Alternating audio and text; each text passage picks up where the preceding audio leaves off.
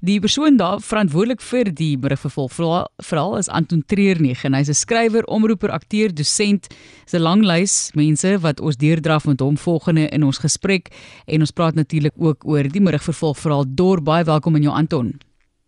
Oh, my middag, Marlies en baie dankie vir die geleentheid. Lekker om met jou te kan gesels.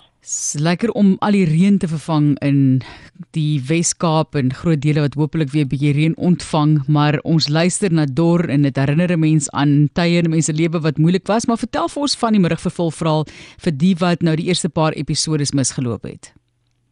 Ja, ehm um, die idee het my opgekom terwyl ons in COVID was en ons gewerk het met verskillende vlakke van inperking.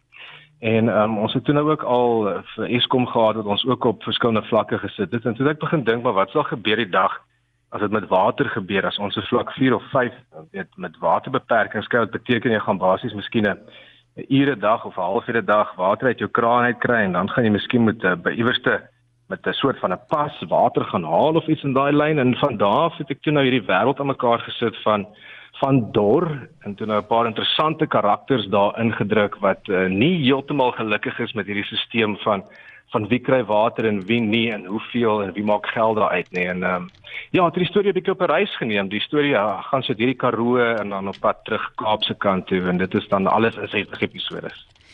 Anton, as jy mens kyk na die oorloë wat eintlik in films al afgespeel het oor water, dit is 'n uh, eintlik 'n ware verhaal wil mense sê wat voor lê, né? So ek weet jy praat nou van meer vlakke van inperking. Ek onthou Tankle, daai tipe van fliek onthou ek baie goed van kinderdare is nou al so oud, 1995. Dit voel vir my voel vir my bietjie ouer is dit. Maar daar is soveel inligting wat jy as skrywer moet versamel om 'n storie te vertel. Kan jy net vir ons 'n idee gee van waarmee jy jouself op hoogte hou want as ek nou regtig kyk na jou CV dis so lank lys om deur te draf is amper onmoontlik. Jy's eintlik ook 'n 'n tipe van afrigter jy's 'n jy's 'n onderwyser in 'n sekere manier ook of 'n dosent as ek dit so kan stel. Maar waarmee hou jy jouself besig om regtig ingelig te wees om hierdie stories te kan vertel? Ja, ek ek dink die eerste ding daar is dat ehm um, as ek met op 'n vorm skryf, wat is my beroep? Dan skryf ek daar storieverteller. My kinders was al so skaam daaroor. Maar ehm um, dit is basies dan uh, wat dit is. So vir my gaan dit oor, oor inligting versamel, ehm um, dit sit en dan 'n sekere scenario uitdink of vir 'n sekere persoon in 'n sekere plek en dan gaan kyk wat ek kan uitvind oor daai plek en daai persoon ehm um, en uh, die omstandighede en weet hoe sal die mense daar leef en so aan. En met, met dorp dink ek die eerste ding wat ek agtergekom het is jy kan nie 'n plek hê wat nie water het nie. Want as daar nie water is dan is daar nie 'n storie nie. Dan dan sit alles verby. So ehm um, dit was toe nou van daar af die besluit om dit te maak 'n wêreld waar daar net nie genoeg water is vir almal nie. En dan begin dink oor okay as dit nou dan minder reën waar sal water dan wel wees? Want die mense wat oor is moet op 'n manier oorleef en wat sal hulle met daai bietjie water doen? So dit was vir my baie interessant om daai soort van navorsing te gaan doen en te gaan kyk, jy weet, um, byvoorbeeld hoe 'n windpomp presies werk en, en waarvoor jy anderste 'n windpomp kan gebruik as net water uithaal en so aan. Dit was vir my ongelooflik om dan so te stap en ook hierdie Karoo 'n uh, klein dorpies te weet te herontdek en dit is maar vir my um, met die skryf saam Ek skryf totaal nie so baie nie. So die die die die voordeel van van skryf is dan wel dat jy op hierdie reise kan gaan in jou verbeelding en soveel meer inligting dan daai saam uh, dit saam kry en wat jy kan saam met jou vat op die pad vorentoe. Ek het nou 'n e-pos gekry Anton van Karen van der Merwe. Sy sê ek was saam met Anton in Oos Eind Laerskool in Pretoria. As een van ja. Anton se radiodramas in die beer kom, dink ek aan Anton en sy sproete en Mankepank. Ooh, jene ja, net kyk ek.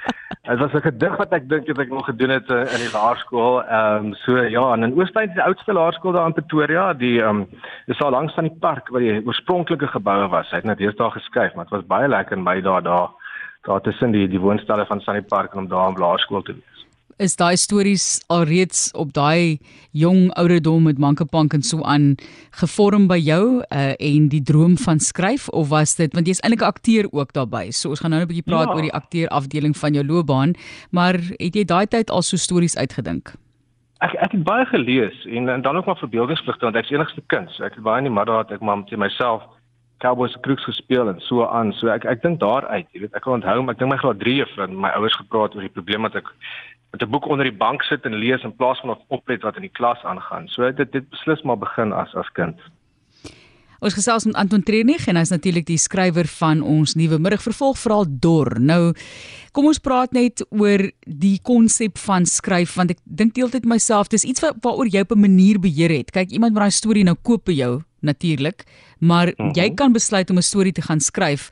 As akteur moet jy gaan vir audisie, daai tipe van ding. Dit is weer in iemand anders se hande. Hoe ervaar jy daai wisselwerking? Is dit soos wat ek dit nou gestel het of is dit bietjie anders? Ja, dit is dit is presies so, jy weet, um, maar weet is uh, is dit 'n sekere mate van 'n disie met 'n storie ook, want soos jy sê, jy moet hom op 'n jy moet hom iemand kan verkoop. Jy moet daai beeld wat jy skep, uh, die die wêreld wat jy skep, moet jy aan iemand kan gaan voorlê en hulle dan kry om ook daarin te koop. En dan is myself as jy gaan vir 'n audisie vir 'n karakter, jy weet, ehm um, jy jy lees daai karakter op papier, jy probeer dan um, om om daai karakter in te neem en dan moet jy jou weergawe daarvan aan 'n regisseur of aan 'n vervaardiger gaan gaan verkoop daarvan. So op die, op die einde van die dag is al twee produk, jy weet, jy as akteur of of jy as skrywer, jy het 'n produk en jy moet hom uh, kan kan verkoop. Ons ons is maar basies verkoopsmense. Inderdaad. En Anton is ook bekend as 'n radioomroeper en verder rol van Luke Luke liewer breed die kyk net drama Vallei van Sluiers verder ook Sewenlaan die Golly jy nou ons het nou die dag gevoorprent gekyk van die eerste episode van die Golly was dit nou nie interessant nie? Interrogation Room Orion Villa Rosa Vloeksteen die Boland moorde en ook baie bekend vir die skryf van die drama reeks Die Byl. So uh, jy is ook Tian Bernardo in hierdie reeks soos ek verstaan oh, vertolk jy natuurlik nou self, so jy het jouself daar geskryf. Uh die wisselwerking vir jou tussen skryf en akteur uh in terme van inspirasie, wat geniet jy die meeste? Skryf is baie harde werk, ek weet akteur ook, maar skryf skryf verg 'n ander tipe van stamina, né? Ja, as altyd sit vlak op stoel. Dis basies waaroor dit gaan as jy wil skryf. Ehm um, jy weet jy moet kan stil raak en jy moet kan sit. Uh, ek ek dink ja, dis 'n baie alleen wêreld, soos jy sê, want dan raak jy dan jou verbeelding besig en um, jy as iemand jou vinnig kom pla, dan het kind wat jy is vra of iets en dan en dan sê, "O, dan as jy storie uit, dan vat jy weer om 50 of 20 minute om terug in die storie in te kom."